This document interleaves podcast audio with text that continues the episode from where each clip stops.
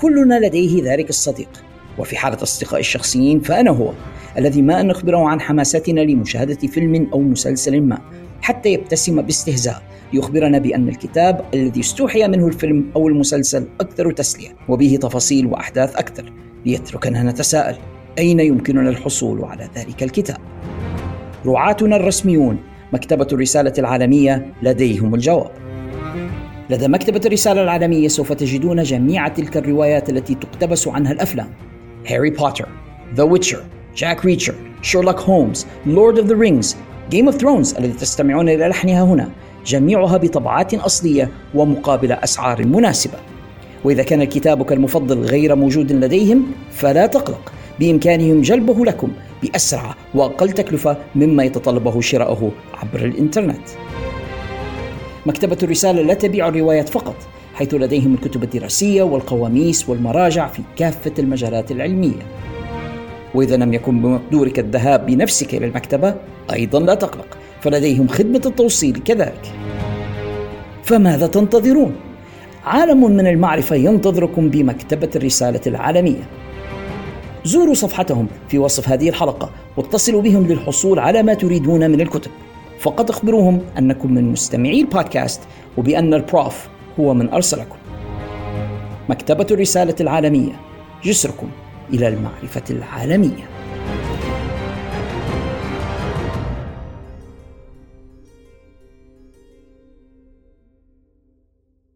أنا The Prof على الشريف ومعي The Phenomenal خالد الشريف.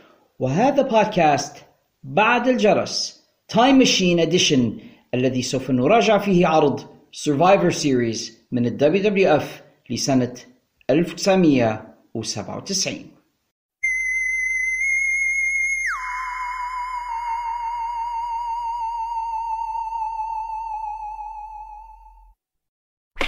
دق الجرس وانتهت المباراة. فهل هذه هي النهاية؟ فكروا ثانية. بعد الجرس. يحلو الكلام بعد جرس الختام. عروض. مباريات. نتائج. تحليلات. تقييمات. مع خالد الشريف. A little bit of the bubbly. وعلاء الشريف. I'm the best in the world. بعد الجرس. يأتيكم من أسرة بودكاست في الحلبة. In the ring where it matters. Woo!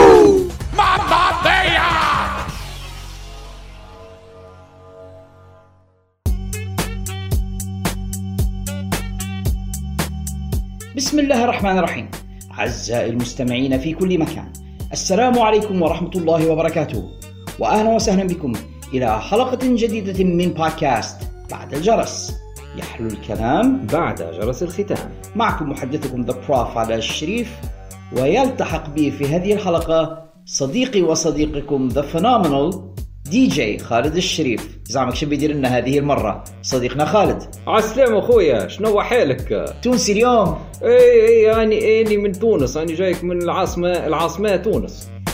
فرحان بأداء توانسة أمس في في كأس العالم طبعا. إي نعم ادائهم برشا حلو ومرضي برشا. هو الحق يعني بعيد عن المزاح أداء المنتخب التونسي بالأمس أمام المنتخب الدنماركي كان أداء قويا ورجوليا وإحنا نفتخر بهم كثيرا. وسعيد أنا كليبي جار لدولة تونس أن جيراننا الغربيين تمكنوا من تقديم هذا الأداء الرائع والجميل. وتمنياتنا لجميع المنتخبات العربية والمسلمة المشاركة في مونديال كأس العالم بالمزيد من النجاح والتوفيق. يا رب. خالد كيف حالك اليوم؟ الحمد لله الحمد كويس. كويس. بخير الحمد لله. إحنا خالد اليوم نجتمع لمناقشة عرض تاريخي من اتحاد WWE اللي كان وقتها اسمها ال WWF ألا وهو عرض Survivor Series لسنة ال 97 ومن الموافقات يعني سبحان الله أن إحنا نناقشوا في هذا العرض ولم يتبقى إلا حوالي ثلاثة أيام على Survivor Series السنة هي. فهذا مناسب يعني. هي جد حاجة في حاجة. مم. من جهة أن بالفعل آه، فيه حتى في اليوتيوب. يعني نلقوا مثلا القناة بتاعت ال WWE على اليوتيوب يحطوا مباريات من Survivor Series لما يقترب Survivor Series أو يحطوا مباريات من Royal Rumble لما يقترب Royal Rumble فهذه كانت أحد الأسباب. لكن سبب اختيارنا لل 97 تحديدا لأننا نحيي الذكرى الخامسة والعشرين لل Montreal Screwjob تلك الحادثة لأني شايفها واحدة من ال turning points أو نقاط الانقلاب في تاريخ مصارعة المحترفين. القصة التي لطالما حكيتها في حلقات سابقة من البودكاست بإمكان مستمعينا العودة إليها ولكننا مش حنبخل عليهم في هذه الحلقة إن نعطوا ولو فكرة عن The Montreal Screwjob وما الذي حصل مع واحد من أحب المصارعين عندي وأعتقد حتى عندك أنت يا خالد بريت The Hitman هارت وسبب انتقاله من الدبليو دبليو إلى دبليو سي دبليو والقصة هذيك كلها حصلت في هذا العرض Survivor Series 97 اللي مر على ذكرها 25 سنة في هذا الشهر. هي باختصار نقدر نقول إنها أكبر مشكلة آه، صارت في تاريخ مصارعة المحترفين وأكبر قصة غش و حاجة مريرة كانت. أفلام وثائقيه وكتب ويعني لقاءات طويلة أجريت وكتبت وطبعت عن هذا الموضوع تحديدا. الموضوع مش بسيط. ليومنا هذا في ناس ينكروا يقولوا الموضوع كان work أو اتفاق ما بين فينس ماكمان وبريت هارت. أنا شخصيا من الناس الذين يستبعدون ذلك. جملة وتفصيلا قولا واحدا. هناك الكثير من الدلائل على أن القصة هذه حقيقية. حنتكلم عليها شوية في سياق تغطيتنا ل Survivor Series 97 في عصر كانت فيها المصارعة مصارعة. والرجال رجال. خالد إذا كنت أنت مستعد؟ نعم. وإذا كان أعزاؤنا المستمعون مستعدين شوف كيف قلتها نحويا يعني أنا رفعت اسم كان و... وبعدين خبرها نصبناه يعني شوية حاجات هيك الشيابين يعرفوها. خلينا ندخلوا مع بعضنا إحداثيات المكان والزمان اللي إحنا ماشيين لهم في آلة الزمن الخاصة بنا. والمكان هو مدينة مونتريال الكندية تحديدا من مبنى The Molson Centre التاريخ التاسع من نوفمبر سنة 1997 هيا بنا معا إلى هناك. Let's get it on.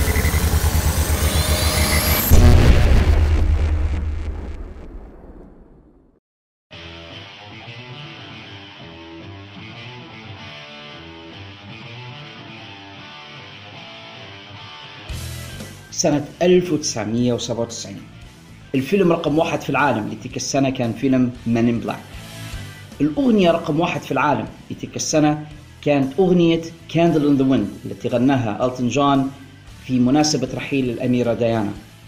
أنا شخصيا كشخص عاصرت تلك المرحلة نحس الأحداث هذه كلها قريبة مني.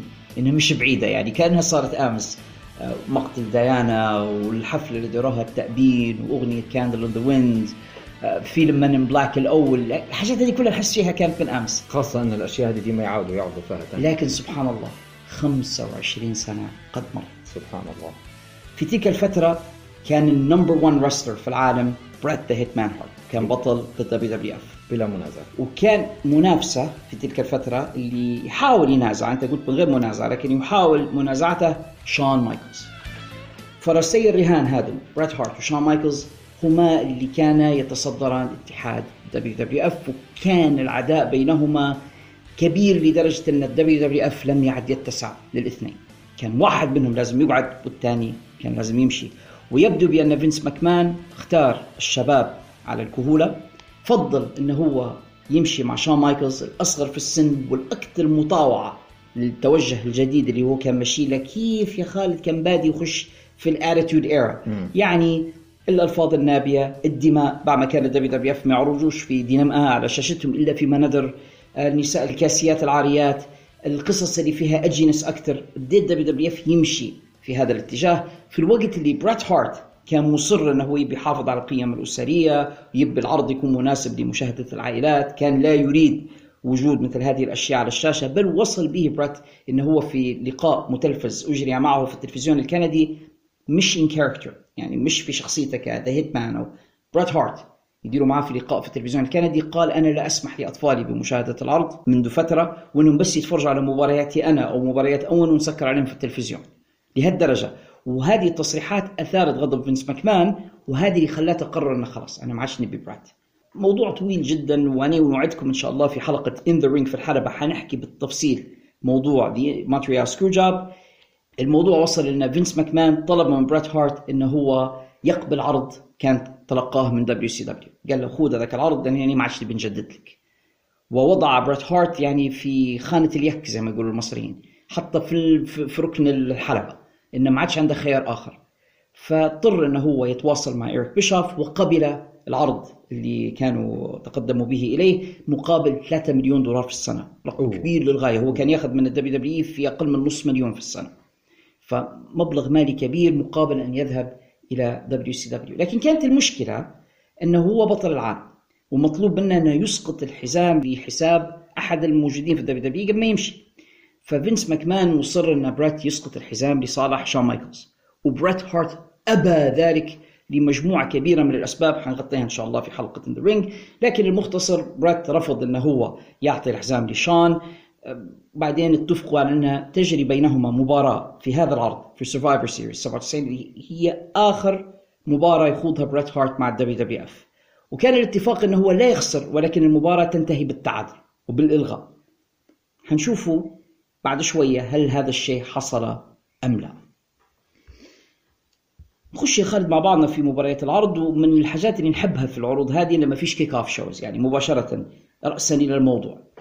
مباراتنا الأولى The New Age Outlaws فريق Road Dogg and Billy Gunn ومعاهم The Godwins اللي هم Henry O and Phineas I آل نصر الله. آل نصر جادوين ترجمتها الحرفية نصر الله بالفعل. ضد فريق The Headbangers Mosh and Thrasher مش عارف تفكرهم خالد ولا لا كانوا صلعان ويلبسوا في kilts شكلهم غريب شوية. مزوقين وجوههم. ومعاهم فريق The New Black Jacks Black Jack Windham and Black Jack Bradshaw. في شوية حاجات نبغى نتكلم عليها قبل ما نخش في المباراة. بادئ ذي بدء Road Dogg وين حاطين Road Dogg في ال opening match في المباراة الافتتاحية. Road Dogg يا خالد من كم يوم قال إنه هو أعظم مصارع في التاريخ ولا أحسن من بريت هارت بالله يا خالد من ال main event لهذا العرض ومن ال opening match أنا مش شايف Road Dogg في المين ايفنت شايفه في ال kick-off يعني حتى بالمنطق عارف يعني تو إن شاء الله حتى Road Dogg تريحته في in the ring يعني. لكن أنت opening match لعرض ال main event بتاع بريت هارت يعني لو تضم فمك وتسكت خير. ما بيش نزيد على هيك. سفيه Black Jacks أو ال New Black Jacks ليهم قصة طريفة شوية. كان في مصارع اسمه Blackjack Mulligan هذا كان أسطورة في الستينات والسبعينات. مصارع كان عنده شنب أسود كيو مشهور. ابنه اللي هو بيري آه، ويندهام أحد أعضاء The Four Horsemen فهنا نرى بيري ويندهام يعود إلى عالم المصارعة مع ال WWF في شخصية Black Jack Windham ولابس نفس آه، ال gimmick بتاع والده اللي زمان. الشنب الأسود و cowboy outfit واحد. ومعاه Bradshaw اللي هو جي بي ال جي بي ال في بداياته وفي شبه بينه شوية وبين عائله الويندهام فداروا له شناب زيهم وقالوا له انت اخوهم وانت بتكون Black Jack Bradshaw بس هذه يعني شوية حاجات طريفة الواحد يلفت الانتباه إليها. والمضحك أيضا أن Black Jack Bradshaw أو Bradshaw أو JBL اللي بعدين وصل يسمي في a wrestling god. لا إله إلا الله. Opening match يعني هنا he's curtain jerker زي ما يقولوا. إنه هو اللي يكر في الستارة يفتح في العرض فأنا مش عارف الناس هذه شنو اللي يتعاطوا فيه بالضبط اللي واحد يقول روحها أحسن من بريت هارت والثاني الثاني يسمي في روحها wrestling god وهم opening matches يعني. وأكيد الثانية أشر من الأولى بلا شك يعني لا إله إلا الله. آه المباراة ما كانتش ابدا سيئة بالعكس وأبرز واحد فيها أو أبرز زوز فيها في رأيي كانوا بيري ويندهام و Bradshaw كان أدائهم صلب وممتاز وفني وحركاتهم كانت على كانت spot on كل الحركات اللي داروها كانت تتسم بالقوة والبراعة حقيقة يعني. شو رأيك في بيلي جان في المرحلة هذه؟ مختلف هلبا على Daddy Ass ولا شيء اللي يسموه فيه الآن في AEW اولا في الحجم هو كان هنا أصغر في الحجم كان آه، يذكر فيه تو ب Hangman Page شوية تو في المرحلة هذه وأخف في الحركة كان طيار حتى ويبان عليه صغر السن يبان عليه الشبابية يعني. والمصارع التقني العظيم Road Dogg شو رأيك فيه؟ كلبوب كلبوب مش حنقول أكثر من فرفاش هيك وعبيط و white trash ومجرد mouthpiece ما لا أكثر لا أقل. على كل حال مباراة هي Survivor Series elimination match هذا ال old school Survivor Series إنه يلعبوا أربعة ضد أربعة وفكرة ال elimination يعني أو إن المصارعين يتخلصوا من بعضهم. وانتهت هذه المباراة بفوز ال New Age Outlaws والحقيقة إن فوزهم كان جميل كيف الحركة اللي دارها Billy Gunn وهو حركة القاضي دارها ط- طائرة من فوق ال- من فوق الترمبكل الثالث. واستحقوا الفوز رغم كل شيء. المباراة انتهت في 15 دقيقة و25 ثانية. زي ما قلنا بفوز فريق New Age Outlaws and the Godwins. يعني حنقيمها بثلاثة. نعم ثلاثة. هو مش هذا. مباراة سيئة مش رائعة لكن مسلية. المباراة القادمة أيضا elimination match أربعة ضد أربعة عندنا فريق The Truth Commission. The Truth Commission ولا لجنة الحقيقة أو حاجة. المؤلفة من The Jackal اللي هو سيء الذكر هذا دون كارلس اللي الآن مدير أعمال Kenny Omega مم. و The Interrogator اللي بعدين عرفناه باسم Kurrgan واللي ما يعرفاش شفتوا EC3 يعني تقولوا ابوه هذا يعني شكله زي EC3 كثيرا. مصارع آخر اسمه سنايبر وواحد ثاني اسمه ريكون المجموعة هذه مع بعضها The Truth Commission كانوا more or less jobbers في WWF ما كانوش فريق كبير أو مهم.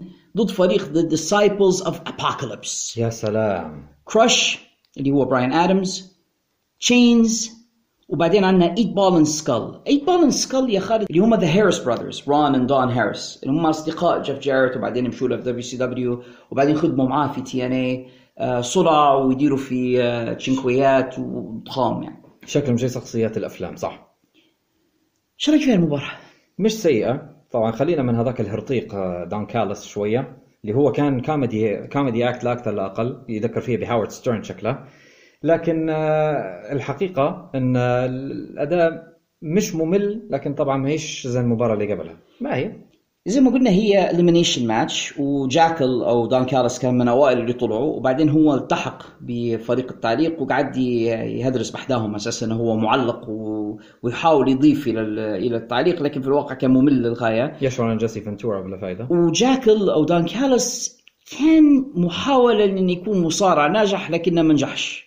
كان ممكن أبرز حاجة بيديرها إنه كان بيدير tag team مع ريك مارتيل.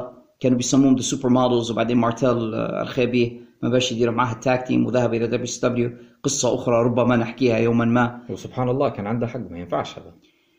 فالمباراة انتهت زي ما قلنا في 9 دقائق و59 ثانية بفوز فريق The Truth Commission حنعطيها في التقييم 2.5 اثنين ونص ولكن Truth Commission يذكروا فيها تو في العصر الحديث آه، يذكروا فيها بهم the Imperium فكرتهم هيك والصرامة والانضباط اللي هم فيه والقسوة اللي هم فيها the Imperium يذكروا فيها بهم هلبة وصولا إلى المباراة الثالثة أيضا ال Survivor Series elimination match 4 ضد 4 عندنا team كندا وطريف شوية team كندا هذا اللي بنتكلموا عليه لأن هم تقريبا كلهم مش كنديين ما عدا واحد.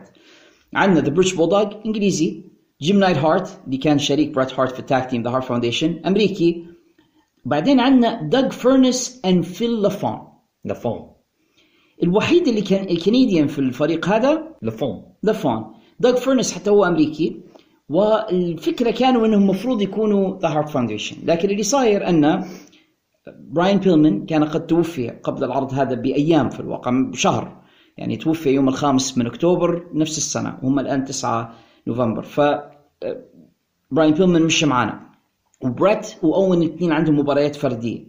فال WWF وضع مع فريق The British Bulldog وجيم نايت هارت مصارع آه، فيل لافون ودوغ فيرنس اللي هم الاثنين كانوا في All Japan Pro Wrestling وباين إن بالنسبة لي آه، دوغ فيرنس صديق لبريت هارت فضموه لفريق آه، team كندا وفيل لافون مصارع كندي so it made sense انه يكون هذا فريق كندا أو team كندا ضد فريق the USA فيدر جولدست مارك ميرو وستيف بلاكمان ومعاهم برا سيبل القصة إن ستيف بلاكمان اللي هو UFC fighter في الواقع MMA fighter على أساس انه هو كان fan كان واحد من الجمهور وبعدين تدخل في إحدى المباريات. وبعدين فجأة انه رضوا له ال WWF إنه يبدأ يشارك معاهم وسط الحلبة. طبعا makes no sense لكن whatever مارك ميرو ال- ال- ال gimmick بتاعه يحاول يقلد ماتشو مان راندي سافيج إنه هو حريص على المرأة اللي معاه يطلع مرة مرة ويحرك فيها من مكانها اللي هي سيبل وهي مقصودة طبعا الحركة كانت. طبعا يقلد في ماتشو مان وإليزابيث بالكربون. آه،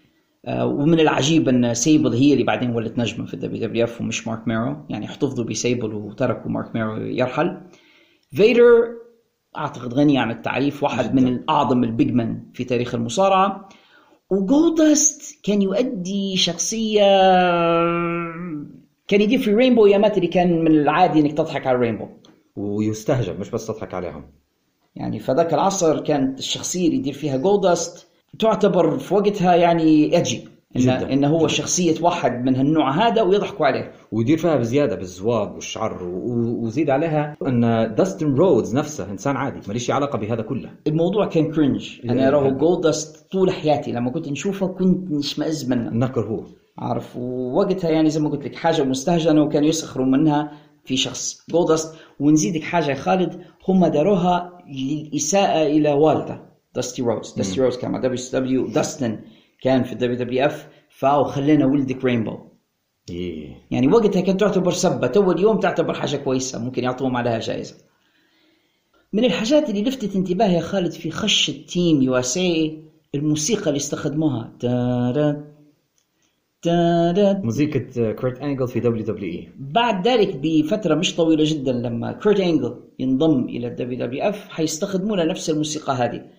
فيعني نكتشفوا قديش هم cheap يعني هم دوروا لها حاجة هيك من الأرشيف وأعطوها لها يعني generic US music وخلاص. لكنها من الحاجات الطريفة ربما أول مرة تنسمع في ال WWF موسيقى متاع كورت إنجل اللي بعدين ولت you suck you suck استخدمت هنا لفريق USA سنة 97 المباراة حلوة أنا عجبني فيها هلبة أداء بريتش بولدوغ أداء فيدر كان غير عادي. فيدر معروف يعني big. man هو كان جو وجيم نايد كان رائع حتى هو كان فائق.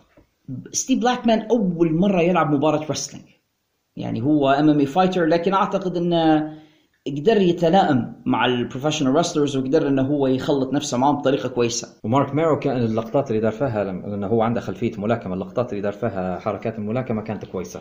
مارك ميرو فايز بالقفاز الذهبي في الملاكمة. مش يعني بوكسر وخلاص هو ملاكم جيد للغاية.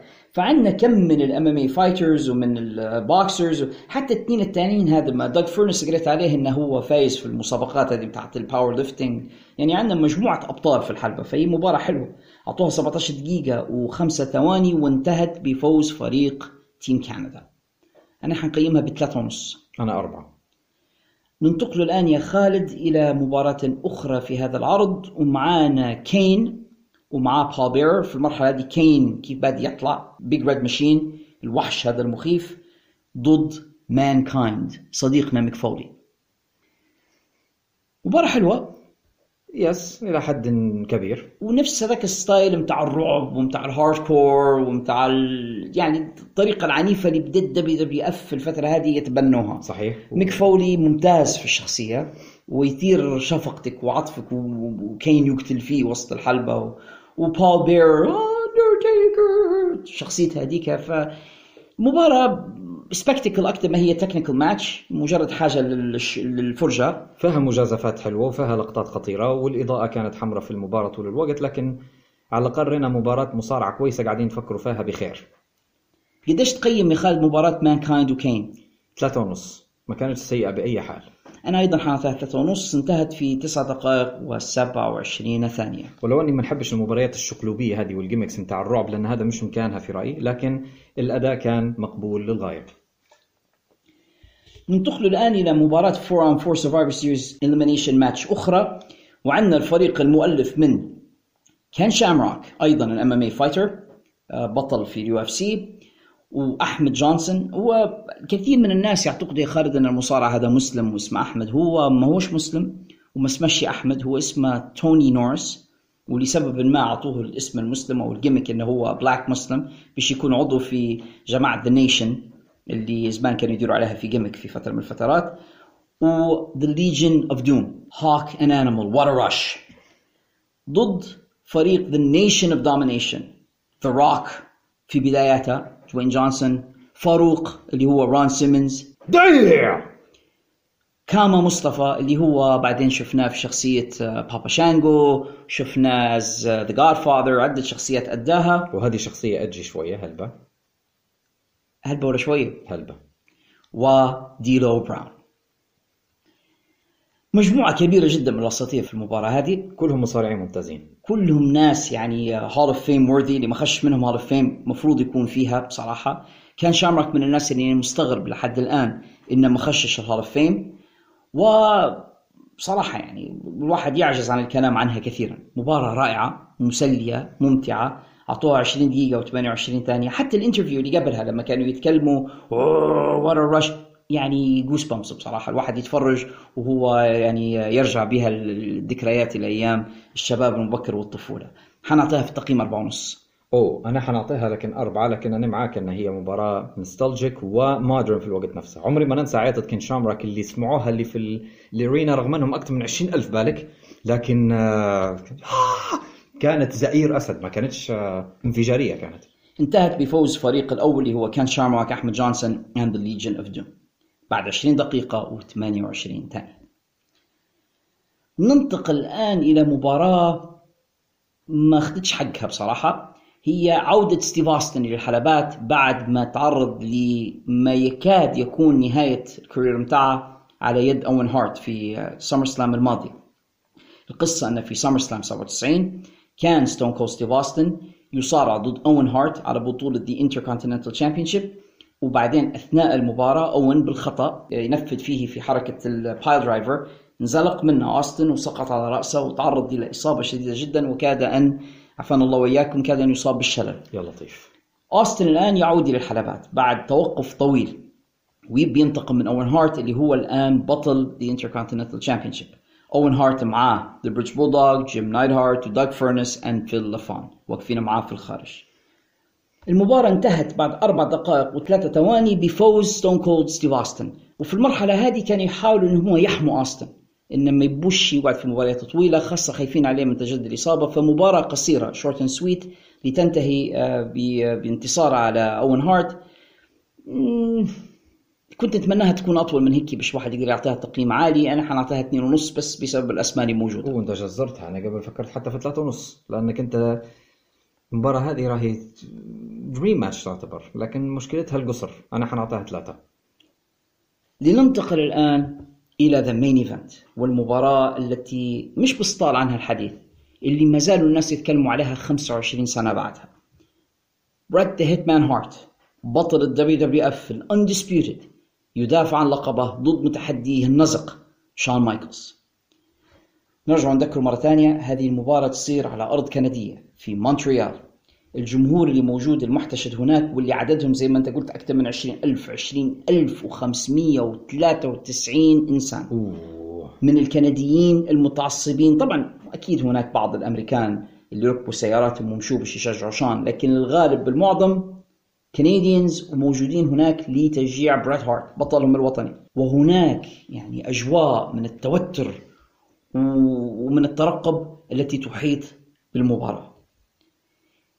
في هذه المباراة ورونا ال tunnel أو النفق اللي يخشوا منه المصارعين إلى داخل الحلبة. شفنا خشة شون مايكلز The Long Walk من ال locker room إلى الحلبة. شفنا خشتة وبمجرد ما وصل إلى الحلبة. شفنا الجمهور كيف استقبله بهتافات الاستهجان والصراخ ويقذفونه بعلب المشروب متاعتهم. ويعني كان استقبال هيل مكروه بشكل غير عادي. وهو كيف امتهن العالم الكندي أبشع امتهان بطريقة ما نقدرش نعودها انها كانت very much الحقيقة تجاوز فيها الحد. هو شان وبرات الاثنين في الواقع. أعتقد انه يقولوا بالإنجليزي work themselves into a shoot يعني حولوا البصارة متاعتهم أو المزاح متاعهم أو التمثيل متاعهم إلى واقع.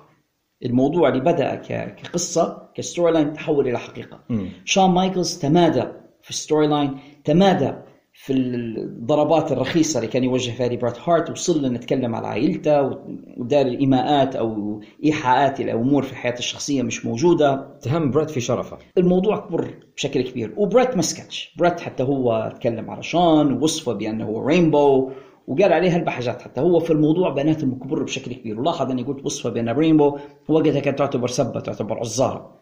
وما يعني- كانتش وما كنتش تعاقب عليها لو قلتها. بالعكس كان يعني يعتبر أنت راجل وما تحبش الحاجات هذه.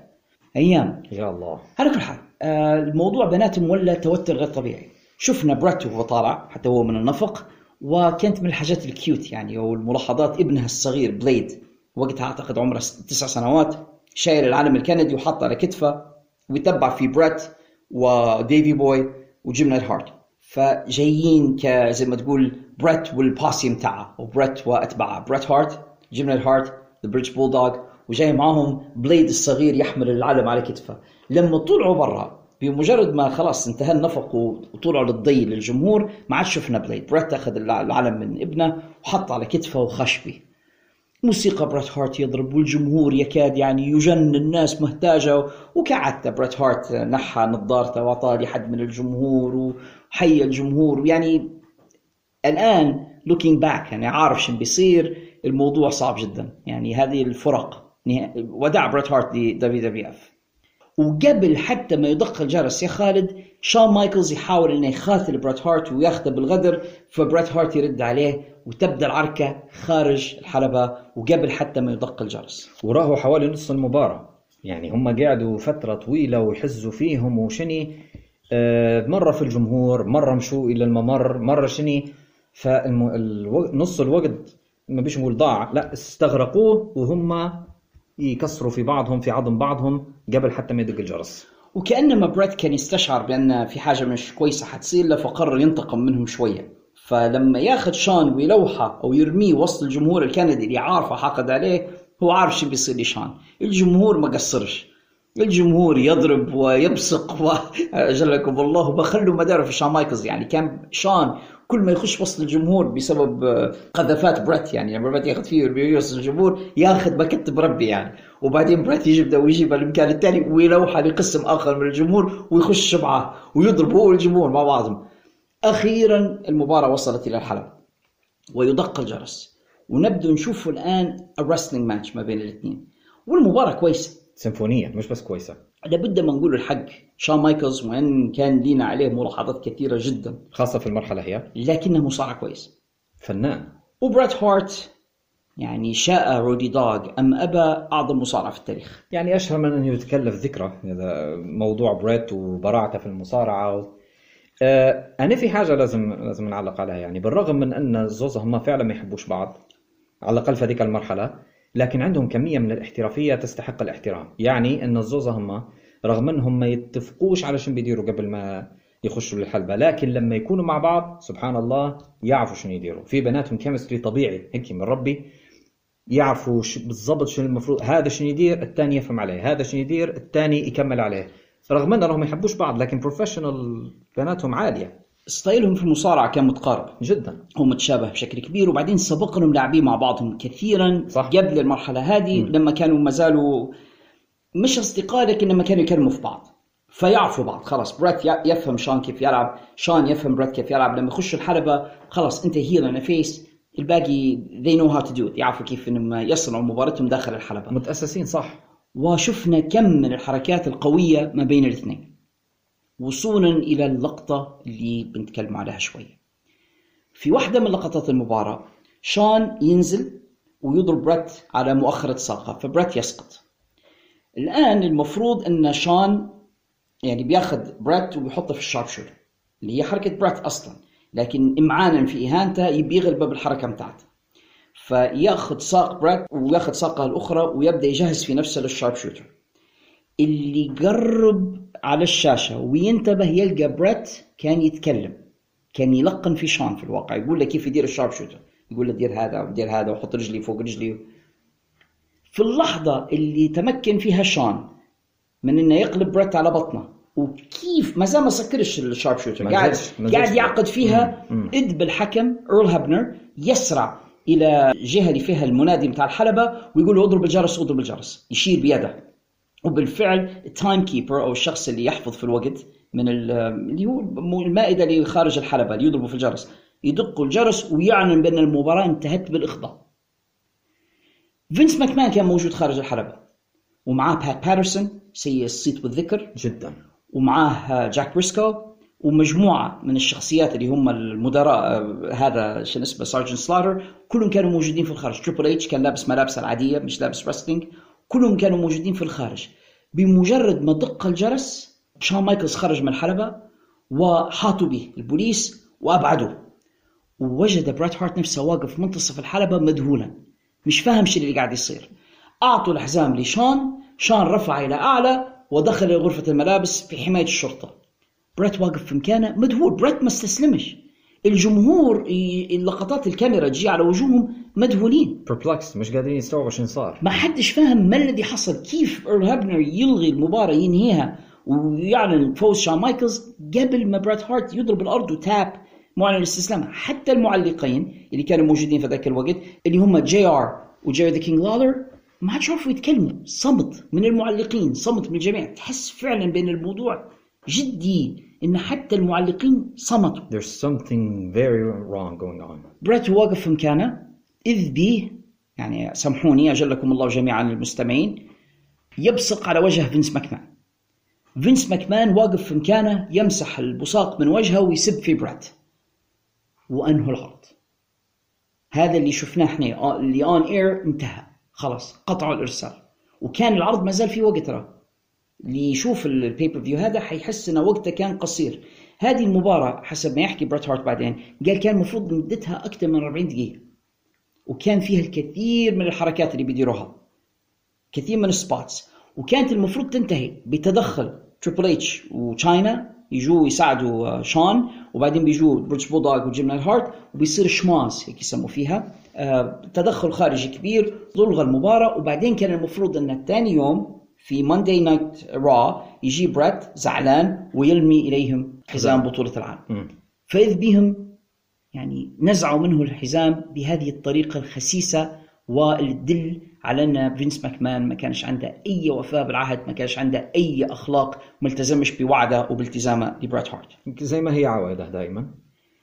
الناس اللي هم يشفعوا لفينس واللي يقولوا أن فينس عنده حق في الإدارة شن حجتهم؟ يقولوا كانوا خايفين أن بريت يأخذ الحزام لأنه خلاص عقده تم.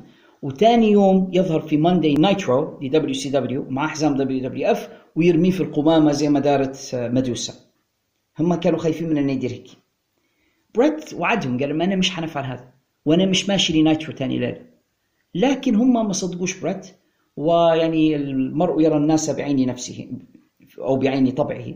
فهو لأن فينس مخادع فهو يتوقع الجميع خونة زيه. فقال لا نتغدى بيه قبل ما يتعشى بيه. ما خليش يروح من هنا وهو عنده حزام بطولة العالم ممتعي ما دام ما معش مصارع في اتحاد فآثر انه هو ينحي الحزام من بطلة بطلة اللي أعطاها 14 سنة من حياته. بريت هارت وانه يعني يدمر مستقبله معاه بهذه الطريقة الحزينة جدا واللي تركت طعم مرير جدا في أفواهنا جميعا. وبالمناسبة شون مايكلز اللي فينس ماكمان أعطاه أولوية لصغر سنه لأنه متماشي مع التوجه اللي كان WW حتمشي له ما قعدلاش هلبة. يعني بالك هي كلها أقل من سنة وتعرض شون مايكلز لإصابات كما قيل لنا كبيرة في الظهر وقعد بعدها لل 2002 يعني أربع سنوات تقريبا ما شفناش وجهه لنبان لنا مرة تانية يعني. الحرام ربي ما يباركش فيه. يا سبحان الله. فكانت نهاية مؤسفة جدا لمسيرة بريت هارت مع WWF ما لا تظهره لنا الكاميرات لكن عرفناه لاحقا إن فينس ماكمان دخل إلى بريت هارت غرفه الملابس بعد ذلك يريد الاعتذار منه والموضوع تطور وبريت هارت لكم فينس ماكمان. هذا تو مش نتكلموش على storyline تاع wrestling نحكوا على real life لكم لدرجة إنه هو حسب ما يحكي بريت كسر إيده على وجه فينس ماكمان ضربني بوشه على إيدي يا بيه. كسر إيده على وجه فينس ماكمان والموضوع كاد أن يصل للبوليس لولا تدخل بعض المصارعين اللي هم فعلا قالوا لفينس لو أنت ترفع الموضوع للبوليس يعني حنتفاهموا معك. The Undertaker تحديدا. اندرتيكر تحديدا. يعني قال لي فينس ماكمان لو أنت تطلع الموضوع هذا من غرفة الملابس هي أنا حنتفاهم معك. وأندرتيكر يعني أصر إن الموضوع يقعد في ال locker room وما يطلعش للشرطة. كان هناك الكثير من المصارعين اللي اعترضوا على اللي صار آه، في منهم اللي walked out يعني قرروا إنهم يتركوا ال WWF مرة واحدة. منهم ريك رود حنتكلم عليه إن شاء الله في الحلقة المقبلة من بودكاست في الحلبة قصة ريك رود وما الذي فعله. وكان له موقف مشرف جدا مع بريت هارت. اندرتيكر هدد بأنه حيسيب. ميك فولي كان يبي يسيب. آه، ستيف أوستن كان شديد الاستياء. The British Bulldog ترك ال WWF في إثر هذا الأمر. اوين كان يبي يترك لكن فينس ماكمان تمسك به. قال له أنت عندك عقد ما زال ممتد لعدة سنوات وحنقاضيك مقابل كل قرش تملكه. لو انك انت تحاول تترك الاتحاد. لكن اللي تركوا مع بريت جيم نايت هارت و British Bulldog. تركوا ال WWF في نفس الليلة لما بريت هارت ذهب إلى WCW. قصة مؤسفة للغاية وحزينة للغاية حقيقة وواحدة من أولى المرات اللي نشوفه اللي يصير خلف الكواليس يحصل قدامنا على الشاشة. وينعكس علينا. كان لها تداعيات كبيرة للغاية هذه اللي طلعت لنا شخصية مستر ماكمان. يعني الشخصية الم- مستر ماكمان الشريرة لأن ماكمان مالك ال WWF من يومها. لكن الآن بدينا نشوفه فيه على الشاشة. زمان ما كانش يظهر نفسه على أنه هو مالك الاتحاد. كان يظهر نفسه كمعلق ويكلف شخصيات أخرى يقوموا بدور commissioner. بعد حوالي 15 سنة من استيلائه على WWF أصبح هو بنفسه يعلن هذا. ومش بس هيك يؤدي في شخصية مستر ماكمان الشرير. وحول نفسه إلى اكبر في عالم المصارعه بعدها. يعني القصة اللي صارت ما بينه وبين ستون ستيف اوستن انطلقت من هذه القصة. The Attitude Era بكل ما فيها انطلقت بعد هذه القصة. بعد ما خلاص أزيح بريت هارت من طريق فينس ماكمان انطلق The Attitude Era. فهذه القصة كان لها ما بعدها. بريت هارت بعد ذلك بأسابيع التحق WCW في career أنا شايف أنه كان سيء سي دبليو زي دبليو اليوم ما عرفوش يستخدموا آه، بريت هارت. لكن تلك قصة أخرى ربما نحكيها يا خالد في حلقات أخرى من بودكاستاتنا. نتبعوا بعض ال pay-per-views اللي طلع فيها بريت مع WCW وحنتكلموا أكثر عن مسيرة بريت فيما بعد اللي انتهت بعدين بإصابته على قدم بيل جولدبرغ في واحدة من الحوادث المؤسفة للغاية. في الوقت اللي ال WWF انطلق بعد ذلك في يعني افاق بعيدة للغاية. ال Attitude Era وستون كولد versus فينس ماكمان وستون كولد versus ذا روك وما تلا ذلك. حاجات كبيرة جدا وال WWF يعني انطلق انطلاقة كبيرة بعد هذه القصة. فهي قصة بالفعل يعني آه، غيرت مسار مصارعة المحترفين. لكن قبل ما ننهي يا خالد أنت شنو تقييمك لمباراة بريت وشان لحد ما أنهوها؟ قديش تعطيها لو هيك زي ما هي حتى لو ما تمتش؟ من غير ال- الغشة الكبيرة هي أنا نعطيها أربعة ونص. حنعطيها أربعة ونص حتى يعني يعني الكم دقيقة اللي شفناهم بري- بريت هارت وشون مايكلز 19 دقيقة 58 ثانية تحديدا أحسن من المصارعة نشوف فيها كل هاليوم absolutely يعني نشوف اثنين من أعظم المصارعين في التاريخ ضد بعضهم أعطونا حاجة رائعة للغاية. أربعة ونص شوية فيهم. ولو تمت المباراة هذه يعني لو استمرت كانوا حياخذوا ستة. يعني لأن الاثنين هذول they can do that. آه هي لو أخذوها للنهاية زي ما كانوا متفقين عليها كان ممكن تكون من أعظم عشر مباريات في التاريخ. العرض بصفة عامة قديش تعطيه؟ ثمانية. أنا حنعطيه أنا الآخر 8 من 10 عرض محترم عرض كويس ما شفناش أشياء أساءت لنا من الناحية الأخلاقية بشكل كبير على الأقل أو حاجات تتنافى كثيرا مع قيمنا ومثلنا ما كانوش يحاولوا يبتوا هذيك السموم التي نراها الآن خاصة في اي دبليو ولو أن شفنا بعض اللافتات المزعجة اللي رفعوها الجمهور الغبي جمهور طبعا غوغاء من يومه يعني لكن ما شفناش من توجه من. الاتحاد نفسه أو لهذا الاتحاد يعني. نفسه فحنعطيهم 8 من 10 production wise كان عرض كويس. آه نظيف صورته صوته 100 100 يعني في الحاجات هذه كلها. هذا كان عرض Survivor Series لسنة 97 وإن شاء الله يا خالد أنا وأنت من خلال الزمن حنراجعوا المزيد من العروض القديمة سواء كان من دبليو سي دبليو دبليو دبليو اف تي ان اي حتى ECW إن شاء الله حيكون آه ليهم معانا نصيب. في آلة الزمن نشوفوا وصول GCW في ECW القديمة. آه، في عندنا الكثير من الحاجات في كهف علي بابا فما تخافوش وإن شاء الله سنراجع كل ذلك هنا في بعد الجرس The Time Machine Editions.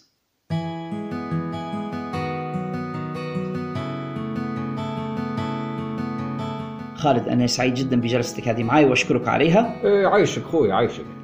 إذا كان جمهورنا استمتعوا بهذه الحلقة بقدر ما استمتعت أنا وخالد بإعدادها وتقديمها إليهم فأرجو أن لا يبخلوا علينا رجاء بترك علامات الخمسة نجمات في ال apps بالتطبيقات التي يستمعون إلينا من خلالها. علامات الخمس نجمات تلك تساعد هذا البودكاست كثيرا على النمو والانتشار والوصول إلى آفاق أبعد. إذا كنتوا تسمعوا فينا من خلال اليوتيوب فما تنسوا تديروا like subscribe و share. خبروا أصدقائكم من محبين مصارعة المحترفين عنا وتذكروا. عندما ينتهي العرض وتسمعون جرس النهاية فإن المتعة لم تنتهي بعد لأنه يحلو الكلام بعد جرس الختام. أوه وغصبا عن فينس ماكمان. وبلحة.